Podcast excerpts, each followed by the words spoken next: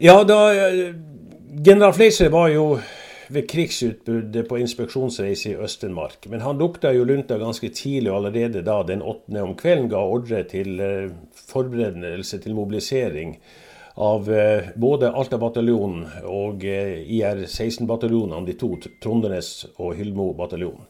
Og han ga også ordre om overføring av Trønderbataljonen, som lå på nøytralitetsvakt i Øst-Finnmark, ble overført til Indre Troms. Dette bekreftet han dagen etter, da han hadde flydd det til, eh, til eh, Tromsø og erklært seg i henhold til kongelige resolusjoner fra januar 1940 som øverstkommanderende for Nord-Norge. Dette gjorde han i samråd med fylkesmann Nordby på det tidspunktet. Slik at han gjorde de forberedelser han kunne til et forsvar av Indre Troms.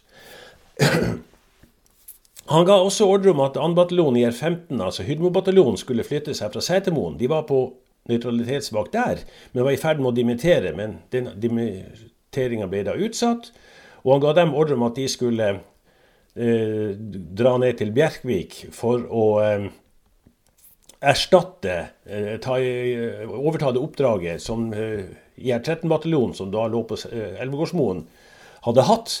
Men de ble jo som kjent beordra til å dra til Narvik eh, natta til den 9. Slik at det var en rokering av styrkene Eh, til forsvar av Narvik og eh, Elgårdsmoen, samtidig som man bygde opp styrkene som skulle trekke sammen Indre Troms for å gå til et motangrep. Nå gikk det jo ikke slik.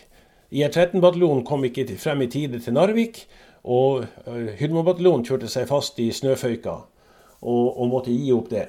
Men da er det at oberst Løken, som var sjef for Troms forsvarsavsnitt, nærmest greip inn og beordret dem i stilling ved Fossbakken til forsvar av av fremrykningsveien mot Setermoen for å forsvare Setermoen. Og det var en, en, en, en vellykket eh, rokade. Fleise var nok sikkert enig i, i det grepet der eh, seinere. Løken beordra også en patrulje frem til Grattangen for å følge med den tyske fremrykninga som da var i ferd med å iverksettes fra Elvgårdsmoen mot Grattangen. Skolekompaniet eh, som ble organisert, altså befalsskolen for infanteri i Nord-Norge, som da var på øvelse på Hundtorp, den årlige vinterøvelsen, ble det organisert i et sterkt kompani. Og de ble da sendt frem til uh, den, eh, den 11. til uh, turiststasjonen og, og, og, for Forsvaret, og overtok fra den troppen som var da der fremme. Den tyske styrken som da rykka nordover fra Elvegårdsmoen, først til Gratangen, hadde som mål å innta først Setermoen, som var det viktige mobiliseringsstedet som ennå var intakt, og deretter angripe og besette Bardufoss eh, flystasjon. Dette komp tyske kompaniet kom da i kamp den 12. med skolekompaniet, og de måtte etter hvert trekke seg tilbake etter å ha holdt uh, tysken stangen hele dagen. Men de holdt på å bli omgått i flankene og måtte trekke seg tilbake til Loalge, som senere ved en feiltagelse ble oppgitt. Opposisjonen etablerte seg. Tyskerne ble stoppa av eh, Hylmo-bataljon ved jordbrua, og trakk seg senere tilbake til Veilund ved Lapphaugen, hvor de grov seg ned og gikk i stilling. Det var da et sterkt forsterka tysk kompani. Og det var stillinga som lå, låste seg i flere dager, inntil Fleischer hadde fått bygd opp styrken, Indre Troms, og sine fem bataljoner. Hvorav fire hadde vært på nøytralitetsvakt. Den eneste som ikke hadde vært på nøytralitetsvakt, det var Lyngen bataljon, som egentlig hadde vært sivil og, og, og, ble ikledd uniform og noen dagers øvelse på Setermoen før de ble sendt til, eh, til eh, nærmest som en reserve i forsvarsstilling i Salangsdalen eh, da angrepet skulle gå inn den 24. om morgenen klokka halv tre natt til den 24. Det det er situasjonen i dag. De hadde hatt ordremøte allerede den 22., og det var pålagt sterkt eller strengt hemmelighold. Og, og, kanskje i litt for stor grad, fordi at eh, det fikk litt konsekvenser for angrepets start. Eh, divisjonsangrepsplan den var av historikere og for så vidt offiserer i ettertid eh, eh karakterisert som altfor komplisert.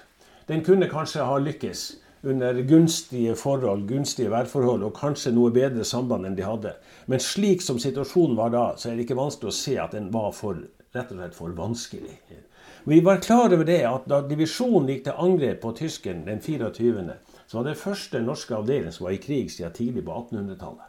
Og hadde vel neppe eh, noen gang eh, hatt et sånt jeg på å si, i nyere tid da, hatt en sånn størrelse på et angrep som det hadde da. Det var det iallfall ikke på 1800-tallet med så mange mann involvert. Så det er klart at det, det var en, en, en, en, vanskelig sak. Han hadde delt styrkene inn i tre, i tre grupper. Han kalte det for Fjordbotngruppen, som skulle gå over fra Lavangen, over Fjordbotnøyet og gå ned mot Gratangen. Den besto av Trønderbataljonen, som var kanskje den beste bataljonen i det norske forsvaret på det tidspunktet der. De skulle ta en høyre flankering og gå ned og avskjære veien og vente på den tyske styrken som de formoda skulle bli pressa ut fra Lapphaugen og bakover på, på, på, veien i løpet av den, den 24. Eh, om dagen. I, i, I, sentrum altså, var den såkalte Kolban-gruppen, og det var hovedangrepet. Eh, det var eh, Hylmo bataljon, og det var deler av Trondenes bataljon. Og det var det sterke skolekompaniet. Og, og, det var jo 6. brigade som leda hele dette angrepet. Alle bataljonene gikk jo inn i 6. brigade under oberst Løken. Det var jo de som leda dette angrepet. Og så hadde de planlagt eh, en eh, venstre flankering fra Bones i Salangsdalen over Raudalen. Og så skulle den skjære ned nærmest bak eh, Lapphaugen og komme ned der. Det var med deler av eller hovedstyrken til Trondenes bataljon. Nå gikk det ikke slik. Været var så overhendig at de kansellerte den venstre flankeringa fra Bones og lot bare et kompani av Trondenes bataljon være igjen. Og så satte de dem i marsj ned til til eh, Fossbakken. slik at de kom i løpet av dagen den 24. ned til Fossbakken. Slik at angrepet blir realiteten todelt. Det var hovedangrepet fra Kolbangruppen langs riksveien mot Lapphaugen, og så var det en høyre flankering over Fjordbotnøyet av Trønderbataljonen. Alta-bataljonen var på dette tidspunktet i reserve, divisjonsreserve og lå i Lavangen. Det som skjer eh, først, som jeg sa, at Trønderbataljonen de angrep fra ei utgangsstilling som lå helt fremme på, på Fjordbotneiet, slik at du kunne se ned til Gratangen. Mens uh, utgangsstillinga altså, den gikk nærmest øst-vest, den linja, og, og, passerte over Fossbakken, slik at uh, Kolbangruppen hadde relativt kort vei å gå fram til den utgangsstillinga klokka halv tre om, om, natta. For at eh, trønderne skulle komme frem over Fjordbotneiet, så måtte de faktisk gå dagen før. Så de gikk den 23. klokka fire, passerte de brua nede ved Tennevoll. Og gikk hele natta med ammunisjon og mat for to dager. Hadde telt med, men det var så alt de hadde. Alt ble brakt over på skikjelka. Og de stampa i nordvest storm rett imot. Og hadde et overhendig vær. Men de var faktisk fremme i tide. Da klokka, på, på, på, kanskje litt sein, men i grålysninga om morgenen står de i Fjordbotnøy og ser ned på den veien. Og bare for å konstatere at sikten er så dårlig at de klarer ikke å løse oppdraget. Og da er det at det går ei telefonlinje fra Gratangen over til, eh, til Lavanger, ei sivile. Og de kobler seg på den, og får da kontakt med 6. divisjon. Ikke med 6. brigade, men med hovedkvarteret, som er sjefen sjøl. Dvs. Si det er major Lindbekk Larsen, stabssjefen, de får kontakt med. Og eh, major Bøckmann, som leder Trønderbataljonen, han anmoda veldig sterkt å få lov å krysse dalen og gå opp på andre sida og sperre veien på dalen på sørsida av dalen, altså et sted midt imellom Gratangen turiststasjon og, og, gamle Storfossen, for, for, de som husker den gamle riksveien eh, der. Der hadde han ei, meget sterk stilling. Men det var jo et, et helt annet uh, oppdrag. Divisjonen gir han til og med ordre om å, å, å besitte, besette Snulketing, altså høyde 509, som ligger enda frem, uh, frem mot uh, Fjelldal og, og, og, Storfossen. Altså Hadde du beherska det terrenget, så hadde du beherska mesteparten av inngangen til Grattangsdalen. Så det var en meget viktig strategisk posisjon som de eh, Og trønderne krysser dalen og er på plass ganske tidlig om morgenen på andre sida av veien. Står hele dag, grupperer ut. Uh, står hele dagen og, og, forbereder kamp mot det tyske kompaniet som de forutsetter skal presses tilbake fra Lapphaugen av uh, Kolbang-gruppen, altså som angriper i sentrum. De uh, graver sterke stillinger og står der og venter og venter. Og får melding fra divisjonen stadig vekk om at nå er det like før de kommer, men intet skjer. Det er situasjonen på høyre flanke med, med, med trønderne. Kolban-gruppen kom ikke i gang med angrepet sitt klokka halv to. Det gikk faktisk flere timer. For det, det var ut på, morgenen at de eh, kom i gang. Etter at artilleriet, artilleribataljonen, som da lå i, i, i Kolbaskaret litt lenger bak, hadde myka opp uh, styrken ved, ved, ved, ved Lapphaugen med, med ild. Uh, sånn i halv ti-tida. Da setter de inn angrepet. Mange timer uh, forsinka. Og Grunnen skal være at hemmeligholdet gjorde at de hadde ikke fått gitt nok ordrer, og det tok tid, det hele. Det, det, det, det var, var treghet i systemet, for å si det mildt. Og kampene eh, de prøver, og, det er masse forviklinger utover dagen. Eh, og det ebber ut utpå dagen, så da graver de seg ned i de stillingene de hadde. Trondenes-bataljonen som var kommet ned, sto hest, for å bruke et populært uttrykk fra, fra, fra som militæren var bestående uten å få lov å gå i bivak og, og, og, forberede seg. De hadde gått hele natta og ble stående til langt utpå dagen hvor de vi satt i gang en venstre flankering over myrene for å ta Lapphaugen fra vest. De var kommet én kilometer fra målet klokka åtte om kvelden. Da får de ordre om å stoppe. Skolekompaniet hadde på samme måte blitt satt i angrep mot eh, Lapphaugen og får ordre om å stoppe. Det som skjer videre, er at eh, klokka åtte, mellom åtte og kvart over åtte om kvelden den 24. så beskyter artilleriet Lapphaugen med, en rekke eh, runder over lengre tid. Men det, det, er nesten ikke til å forstå at, at, at 6. brigade ikke sender patruljer frem. Beordra patruljer frem verken fra Hylmobataljonen, Trondheimsbataljonen eller Skolekompaniet til å sjekke virkninga i målet. Og de går altså til ro i den, i, i den tro at uh, ilden har vært virkningsløs, og at det tyske kompaniet fortsatt ligger på Veilund når, når natta kommer. Så det er situasjonen i, i, sentrum. Og situasjonen borte i Gratangen med Trønderkompaniet er dramatisk. For de har altså nå stått hele dagen og, og helt på å fryse eh, seg forderva, for de, de, de, må i hus.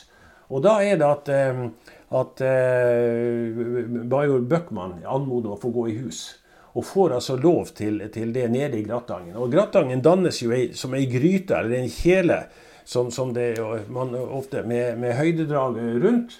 Og på nordsida ligger da eh, Alta-bataljonen, som med en feiltagelse hadde kommet frem den 24. om ettermiddagen, sånn i sekstida. Og det rare er at ingen kan forklare hvilken ordre som var utstedt, og hvem som hadde utstedt den ordren til Alta-bataljonen, at divisjonsreserven skulle settes inn allerede om morgenen den 24. og gå etter Trønderbataljonen.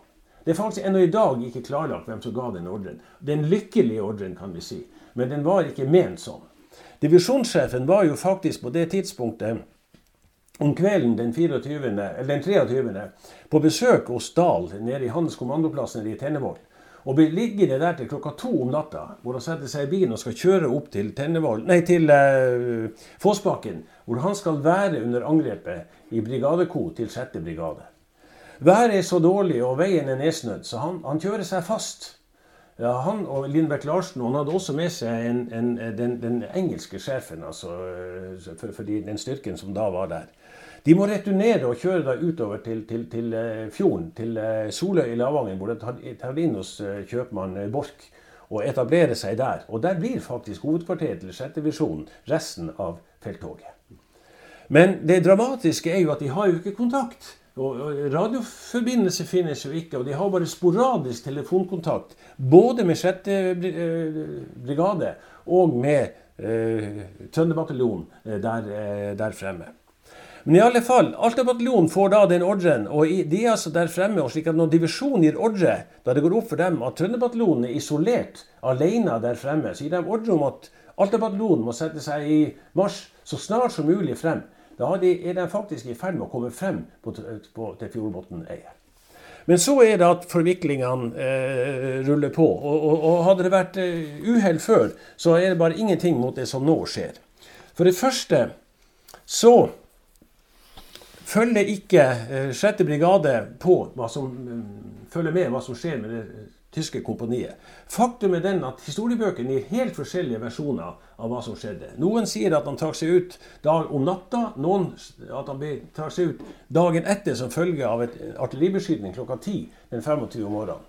Det er nok ikke tilfellet. De trakk seg ut ca. klokka halv ni om kvelden etter at artilleriet var ferdig å beskytte. og De hadde drept flere og såra flere. Så de trakk seg tilbake i hui og hast tilbake mot Grattangen om kvelden uten at nordmenn oppdaga det. Og de kommer altså tilbake til turiststasjonen sånn i ellevetida om kvelden. Da hadde trønderne i mellomtida gått ned og lagt seg i hus i Gratangen. Riktignok med godt kringvern og forsvar. Mitraljøse troppene var fordelt på, på kompaniene der nede. Og, men veien var ikke sikra. Enten har noen sovna på vakt, eller så har noe skjedd. Men den vitale, avgjørende fremrykningsveien igjennom bataljonens teig, altså den gamle rv. 50, lå altså ubevokta.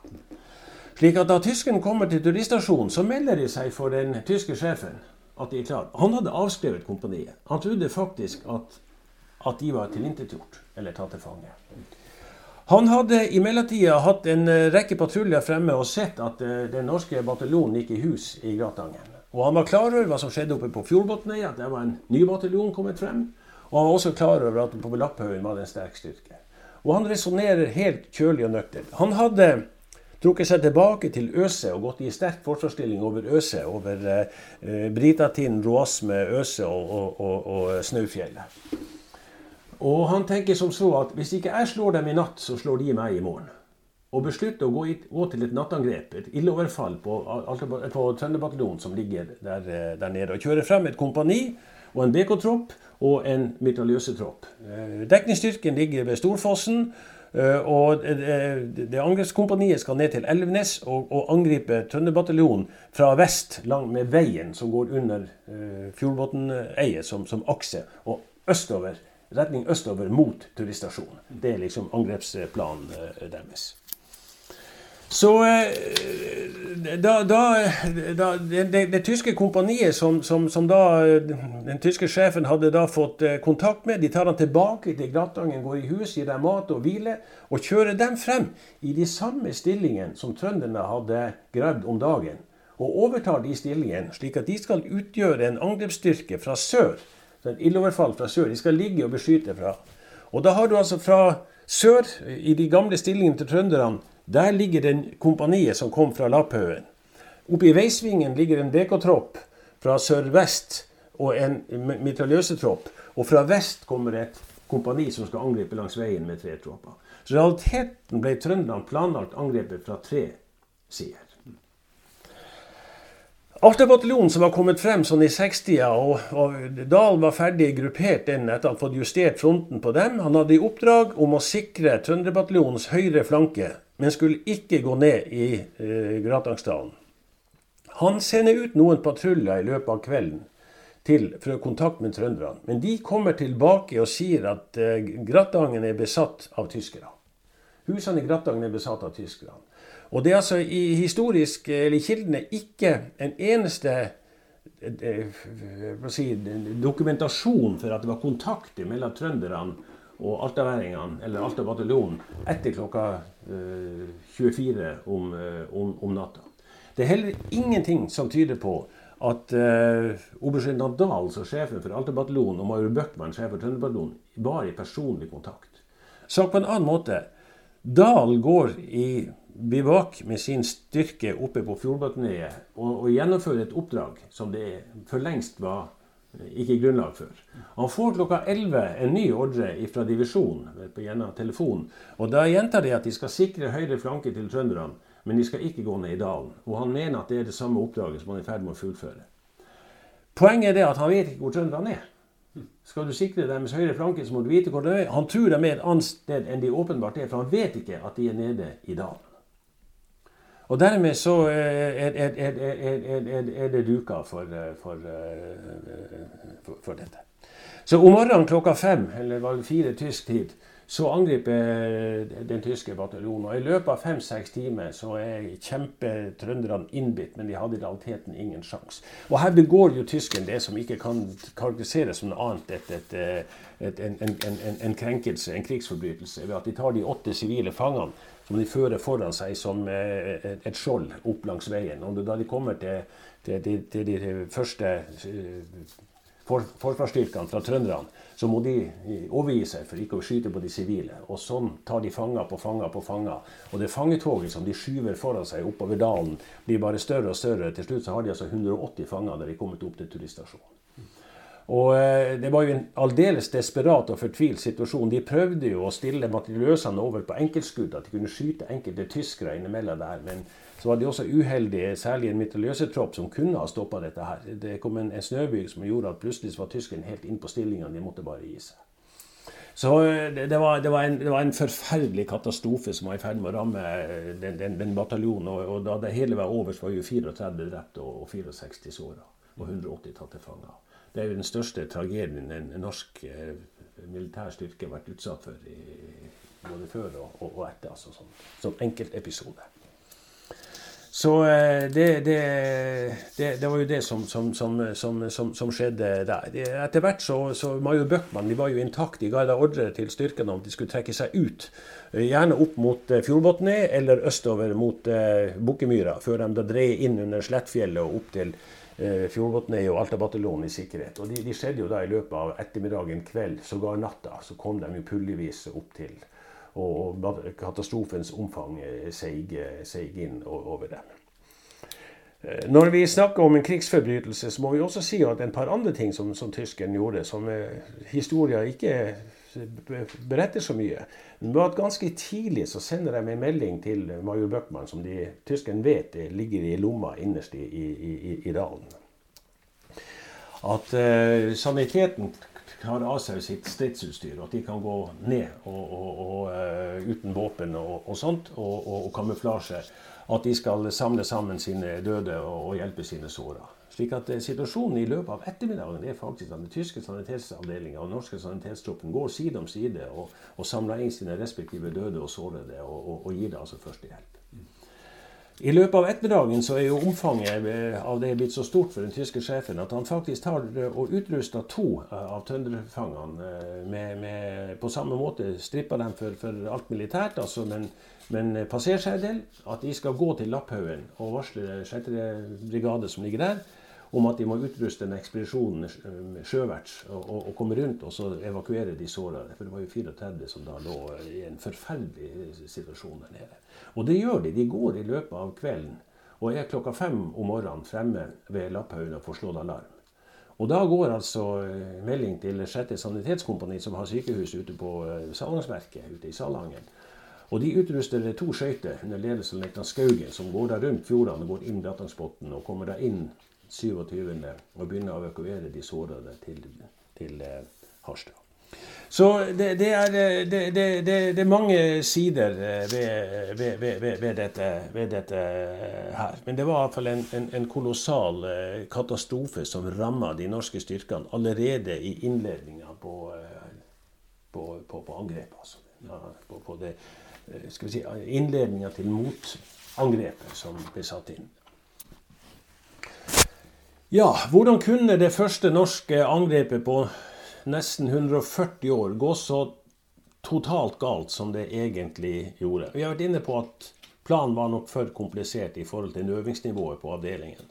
Og det andre som vi kanskje i vår tid har så fryktelig vanskelig til å forstå, det er jo den, den totale mangel på kommunikasjon. I vår tid med iPhones og, og, og, og Internett og alt altså, hvor vi kan, og GPS-er hvor vi kan vite på meter hvor vi er. For jeg er at det, det fantes ikke radioforbindelse. Det, det var altså et divisjonsangrep uh, uten radioforbindelse. Trønderbataljonen skulle få en radio, men de fikk han ikke. Så de var altså avhengig av dårlig linjesamband som, som, som, og, det, det, og, og, ordonanser. Så det, det, er veldig vanskelig å forstå. Men når man går da tilbake til, til eh, sjefen for Tønderbataljonen, som på mange måter eh, regisserte denne tragedien, for å bruke det ordet. Det var jo at han bygde jo sine planer på noen forutsetninger. Det var jo at Alta-bataljonen sikra høyre flanke. Det har vi jo presisert flere ganger at det var oppdraget deres. Og at Kolbang-gruppen sikra venstre flanke. Det, det, det, i sentrum. Det skulle jo ikke komme noen fiende derifra. Men det tredje var at tyskerne skulle holde seg i ro. Han hadde jo hatt patruljer ute og visste hvor de var nede ved Elvenes, og, og at de var trukket seg tilbake med hovedstyrken. Men han visste jo ikke at de hadde andre planer. Slik at når, når situasjonen oppstår, så er det ingen av de her tre forutsetningene som egentlig var gjeldende, for å si det sånn. Og det gjorde jo at situasjonen ble så dramatisk som han, som han ble. Major Bøckmann var jo 60 år gammel. Og eh, da han der gikk til ro om kvelden Han gikk eh, vel og la seg sånn i ni-titida om kvelden. Da tror jeg mer han svimte av enn han la seg til å sove. Han hadde sovet to timer på 62 timer. Altså før, Siste natta hadde de jo gått hele natta over. Men natta før hadde han vært i O-gruppemøte, som vi har omtalt tidligere. Og På vei tilbake så kjørte de seg fast i Salang pga. snøstorm. Så han gikk de siste kilometerne inn. Så han var på morgenkvisten eh, fremme og fikk seg bare en, en par timer søvn på Tennøl før de måtte opp for å gå øh, over Fjordbotn. Han begynte på tredje døgnet. Så jeg tror han var mer, øh, Da han sovna, så var han mer bevisstløs. De prøvde jo å vekke han flere ganger i løpet av natta for å få Det var jo lyder, det var jo lys. Eh, det var rapporter om at de hadde sett noe oppe med turiststasjonen sånn i tolvtida. Det var jo dette tyske kompaniet som gikk tilbake. Men eh, det var ingen reaksjon hos han i forhold til det. For som han sa, det ble gitt ordre om at eh, mitraljøsetroppen skulle passe veien overfor bataljonskoa, som skulle sikre hovedveien igjennom. Og hva som har skjedd, det er ingen som vil klare å få eh, avklart dette endelig. Der, som jeg ser det, så er det én av to muligheter. Eh, han hadde to ordonnanseoffiserer. Den ene hadde ansvaret for å gi ordre om vakthold. Det hadde han gjort eh, på en ordentlig måte nede i dalen til kompaniene der og sikra den. Men vi vet ikke om ordren til, tredje, til, den troppen som skulle sikre veien, om den ble effektuert på riktig måte. Mest sannsynlig så var han det. Og da er det en annen mulighet, og det er at den troppen ikke har en, gjort vaktholdet på en foreskrevet måte. Altså at de har sovna eller ikke hadde avløsning.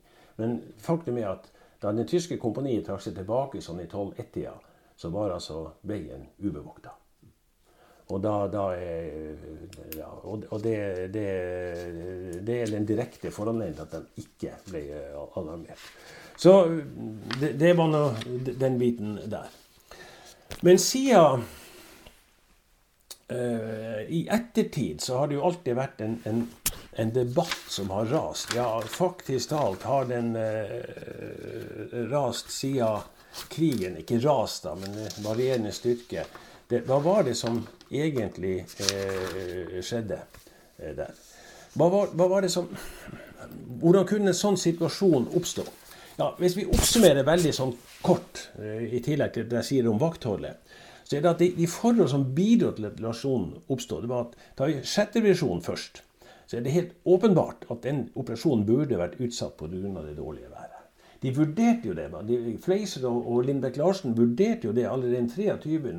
å avbryte eh, operasjonen. Men som de sa, det var verre for trønderne å gå tilbake enn å fortsette. Med respekt å melde så er jo dette ikke holder det i det hele tatt. For ved å gå tilbake så havner jo været i ryggen. I motsetning til å gå, gå, gå fremover her.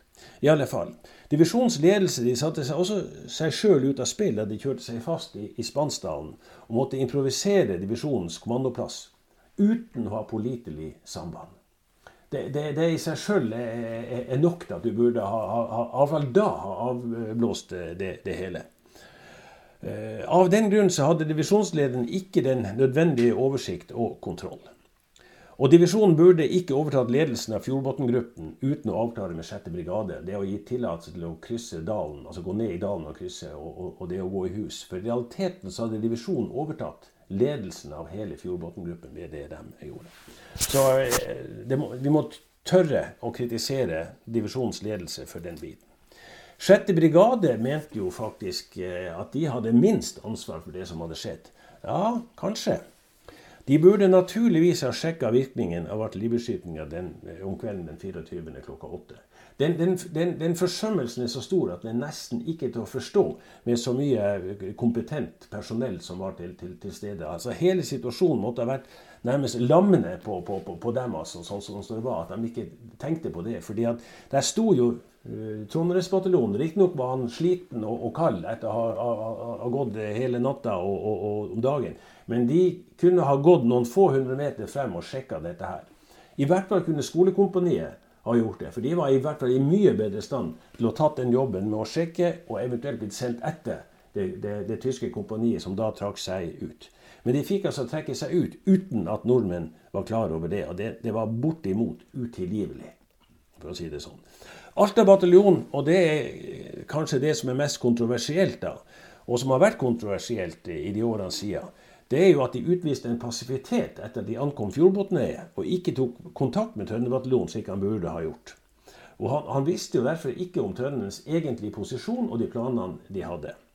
Det er en stående ordre i, i all militær på, altså i hæren på, på, på, på, ulikt nivå at støttende avdeling eh, er den som har ansvaret for støttet avdeling. Altså Støttende avdeling skal ta kontakt med støttet avdeling. Eh, og, og støttende avdeling var Alta bataljon, som kom da frem og skulle kontakte støttet avdeling, som var Trønderbataljonen. Det kan ikke være noen som helst tvil om det. Og det gjorde han ikke. Det er, etter Dahls eget utsagn var det ingen kontakt mellom dem etter klokka 24 om natta og frem til, til eh, angrepet starta. Og, og, og, det var en helt dramatisk viktig periode hvor han eh, ble liggende passivt der oppe. Og skal vi være helt ærlige, så lå han passivt der oppe under hele resten av, av, av kampene i Gratangen. For han kom ikke med og fikk påvirka den på en skikkelig måte. Han grupperte bataljonen etter en situasjon som ikke lenger eksisterte. Og de ble altså liggende i, i tilnærmet ingenmannsland eh, der, eh, der, oppe. Trønderbataljonen Der ble det helt åpenbart ikke truffet nødvendige tiltak for å opprettholde soldatenes stridsevne i løpet av dagen.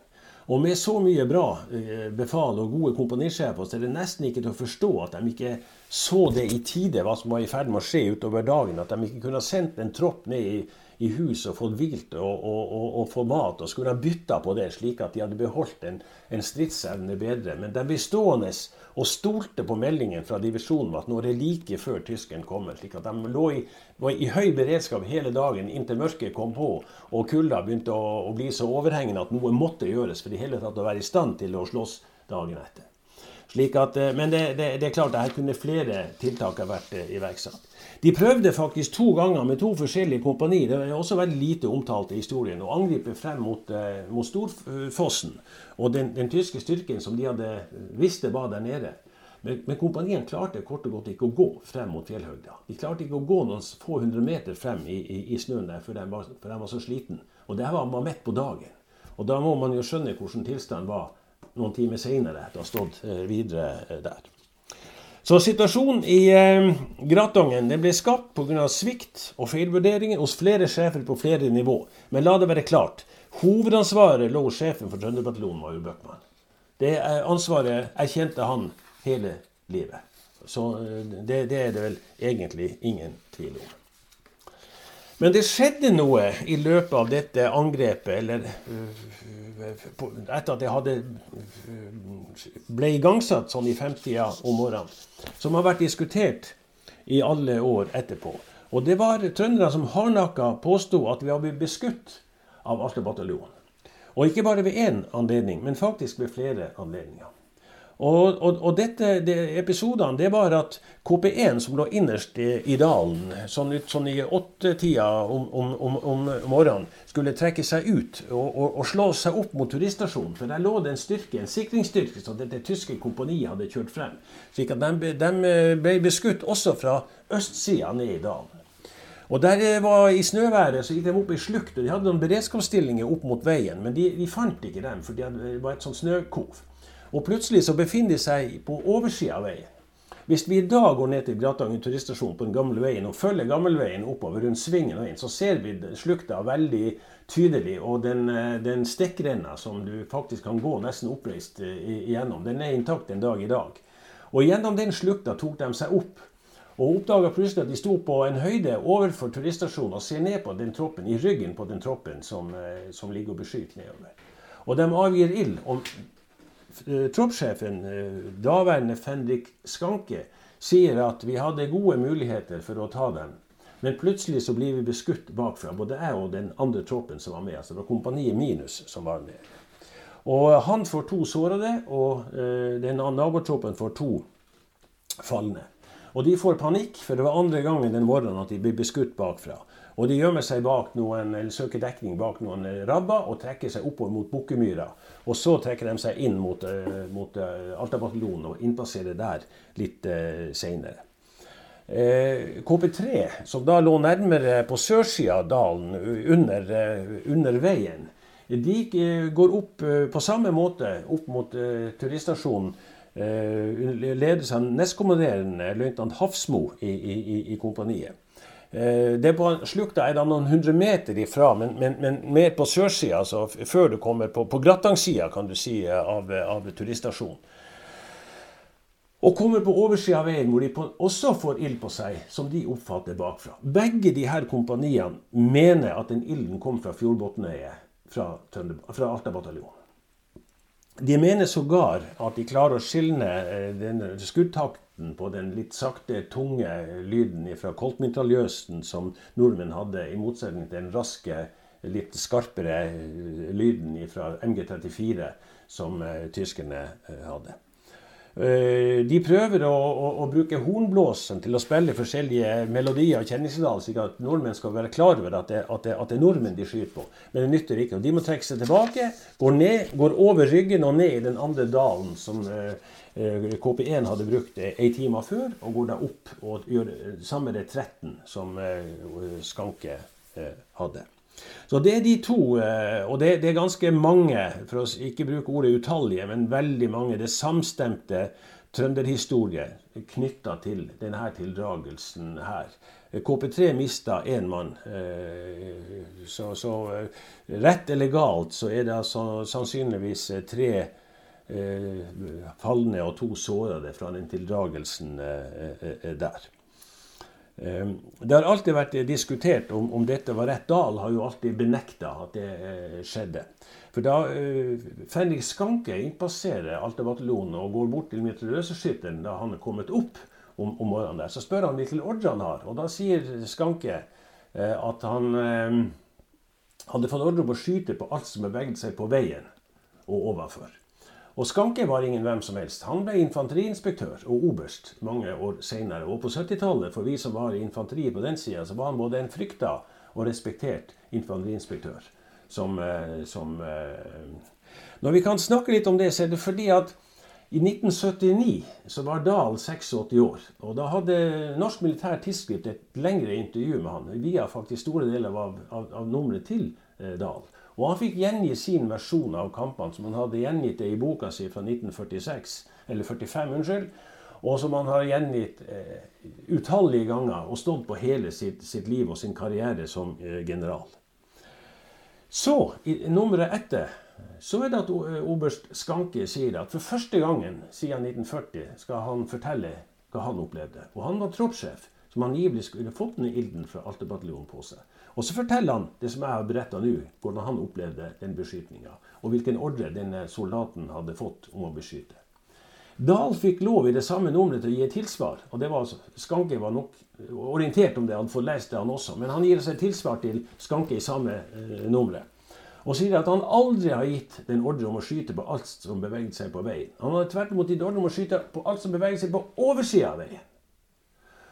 Og da er det at jeg ikke klarer å forstå hvorfor man skal diskutere dette, og, øh, tvilen om dette her. fordi det er jo ikke noe stor forskjell på de ordrene som Skanke ble fortalt av soldaten han hadde fått, og det som Dahl riktignok noen år senere forteller han hadde gitt. For at begge de tysk, øh, trønderavdelingene, KP1 og KP3, ble beskutt da de var kommet på oversida av veien.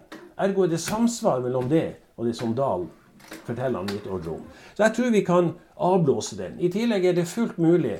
Jeg har ved selvsyn sammen med den Uh, kanskje den lokalhistorikeren som kan dette stoffet bedre enn noen andre, i hvert fall hva angår hva som fysisk skjedde i, i, i, i terrenget, Oddmar Federheim. Vi har gått gjennom dette. Krøpet i slukte. Sett på dekningsrom. Vi har sett på bakskronestilling, vi har sett på stillingsområdet, vi har sett på skuddfelt. Vi har vært på Fjordbotnøyet klokka halv fem om morgenen og sett på hvordan det fortoner seg. Og selv i dag, eh, eller iallfall for tre år siden, 77 år etterpå, så er det fullt mulig med den vegetasjonen som er kommet til, å fortsatt avgi ild fra Fjordbotnøya ned mot turiststasjonen. Slik at den muligheten er åpen. Vi har også sett på andre alternative forklaringer som er gitt, men jeg kommer frem til at Den mest sannsynlige er det som vi nå har fremført som en, en årsak.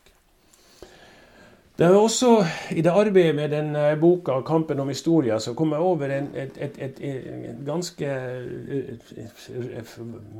dramatisk rykte som i alle år har gått i, i Grattangen, og som sivilbefolkninga fortalte seg imellom, som de ikke ville slippe på. Og det var at det falt fire-fem trøndere bak det de kalte for Moangården, inn mot, nord, inn mot Fjordbotneiet om morgenen den, den, den samme morgenen.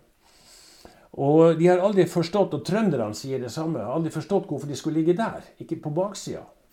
Skulle de falle for tysk ild, skulle de ligget på forsida, altså ned mot dalen eller på vestsida. Eh, når man gransker historier og utsagn knytta til den, og ordre som er gitt, så kan jeg iallfall oppsummere følgende. At sjefen for tredje kompaniet, som lå som reserve, sier i sin fektingsrapport at eh, vi hadde klokka halv fem om morgenen angrep vi hus nede i Gratangsdalen med én tropp, og hadde én tropp til detasjert, som det står. Eh, Einar Fjelldal, som eh, var med og lagde dette minneskriftet for Alta bataljon fra 50-årsmarkeringa i 1990, hadde samtale med innbyggere i Grattangen, som var, det, var barn på det tidspunktet der, hadde fortalt at han var med ned og skøyt på gårda den samme morgenen og hadde ordre om å skyte en halv meter over grunnmuren. Så det er det, det, er det andre utsagnet. Dahl har i sin bok skrevet at klokka fire hadde sendt en, en patrulje ned til Moangården. Eh, så, så det, det, er det tredje utsagnet. Og dette her skulle ha skjedd angivelig klokka halv fem. Nå er Moangården et tøyelig begrep. I, i, det, det, det, det, er helt klart at Moangården er, er, flere gårder. Det er altså gårdene mellom Moan og Storslett for, for, for lokalt. Men, men, men, de omtales av de ulike som Moangården. Så nøyaktig hvilken gård de er på, men det er kanskje mer nærmere Storslett enn Moangården. Dette må ha, ha skjedd. Det kommer faktisk utsagn enda den dag i dag om etterkommere som forteller hvordan foreldre og, og, og slektninger har opplevd den samme traumatiske opplevelsen denne morgenen eh, med beskytning av gårder eh, ved Moangården. Så jeg tror vi må kunne snart begynne å kunne konstatere at det har skjedd, så beklagelig det enn. Men vi kan ikke vite hvem som felte disse fire-fem trønderne. For det er helt åpenbart at det kom ild fra, både fra vest og fra sør mot dem også. Men eh, lengre vil vi aldri komme i forhold til, til, til, til det. Så eh, det, det, er den biten. Det som jeg personlig, som, både som offiser og, og, og, og, historiker, ikke klarer å forstå, det er Dahls eh, opptreden de dagene etterpå. Han har jo nærmest fremstilt det som en sånn heroisk eh, eh, hendelse da de lå og beskøyt med artilleri og mitraljøse de tyske stillingene nede i Gratangsdalen i dagene etterpå. Men det er uklart på hvilke tyske avdelinger som var der. De trønderne som var der nede, altså sanitetstroppen, de gir en annen eh, forklaring på, på, på, på, dette her. Men han fikk altså ordre fra divisjonen om å sende ned en lege. Han gjorde det. Det skriver han sjøl i boka si. Men den legen kom tilbake med uforretta sak like etterpå. Og da klarer jeg ikke å forstå at det ligger altså en hel bataljon på en 800-900 mann med en sanitetstropp og lege, og vite at det ligger altså 60 mann såra noen få hundre meter lenger ned, og du ligger altså der i flere dager og løfter ikke en finger til hjelp. Brutal fremstilling, men det er altså faktum. Det var sågar kommet en skriftlig melding, det gjør også Dahl rede for i boka si, fra kaptein Midtli, som sender en skriftlig melding opp da. Han lå såra nede i dalen og sier at ikke skyt ned i dalen, for det ligger 60 såra. Så eh, det, det, det, det er det. Og vi, eh, i den eh, og jeg tror det har samme årsak. Det er passiviteten som, som han utviste, den, og den, den mangel på aktiv handling ved patruljer ned for å skaffe seg overblikk over situasjonen. Det er i grunnen det som, som er rota til, til, dette her. Og faktum er at vi har en, en, en, en skriftlig dokumentasjon på, fra denne eh, perioden. Det er at, eh, at eh, løytnant Skaugen, som ble omtalt tidligere, som leder de skøytene som kom inn han gikk i land eh, på Laberg. Eh, leide hester, eller fikk tak i hester og, og sleder. og utrusta ekspedisjonen, som da kjørte veien inn til Elvenes. Og så fulgte veisystemet innad i dalen og plukka opp de, de såra. Gjorde dem transportklar og evakuerte dem tilbake til Skøyten. Og i to vendinger brakte dem tilbake til Harstad sykehus. Og det her eh, var de ferdig med den 28. om morgenen. Altså, det, det, har jo de altså ligget i to-tre døgn, disse her stakkars eh, soldatene. Men han får altså ni, i, i 1949 eh, tildelt i, av kongen i statsråd en krigsmedalje for den innsatsen han gjorde under denne evakueringa, først som det står. Under ild fra egne styrker, artilleriild og mitraljøsild, klarte han å berge både de som da var såra, og de soldatene hadde med seg, at de kom uskadd ned til sjøen og fikk evakuert de sårede. Og det sier vel det meste. Og dette visste man allerede i 1949 hadde skjedd da. Men har, historiens taushet og slør har lagt seg over den episoden i alle disse årene. Jeg tror Alta bataljonens soldater visste hva som hadde foregått. Og jeg vil våge påstanden at når jeg drar dette frem, og, og det er vel ikke like populært uh, overalt, så er jeg ikke ute etter soldatene. Det ber jeg om å bli trodd på. Men jeg er ute etter at det var dårlig lederskap fra Dahls side i denne perioden her. Og det gikk utover soldater. Hans soldater var også offer. For mange av dem må ha slitt med posttraumatiske lidelser som følge av at de ikke fikk prate om denne traumatiske opplevelsen, men heller ble fremstilt på en helt annen måte og fikk ikke lov å prate om det. Som barnebarnet til en, en sa det. Du sier noe som er veldig kontroversielt i boka di, men det, du sier noe som vi alle er blitt fortalt der oppe, og alle vet fant sted. Og ennå som sagt ved juletider nå i år er det kommet frem en historie som bekrefter denne historien, hvor soldatene sleit med den her. Og en jeg skulle ønske, er at det kunne komme frem mer slike episoder, eller fortellinger. For det må være mange som vet om dette, her, at man kan få hull på denne byllen en gang for alle. Alta mange av Alta-bataljonens soldater var også offer for denne episoden. For å avslutte. Det må ikke være noe som helst tvil Alta-bataljons innsatt under felttoget, under ledelse av Dahl, det står på egne bein. Både uten overdrevelse og på noen måte Det skal ikke snakkes ned. De inngikk som en, en likeverdig bataljon i divisjonens styrke. På samme måte som Lyngen bataljon, Trondes bataljonen, bataljon og Hylmo bataljon. Jeg kan jo også si Tønne bataljon. Som kjempa skulder ved skulder i de her åtte ukene fra midten av april til børjan av juni.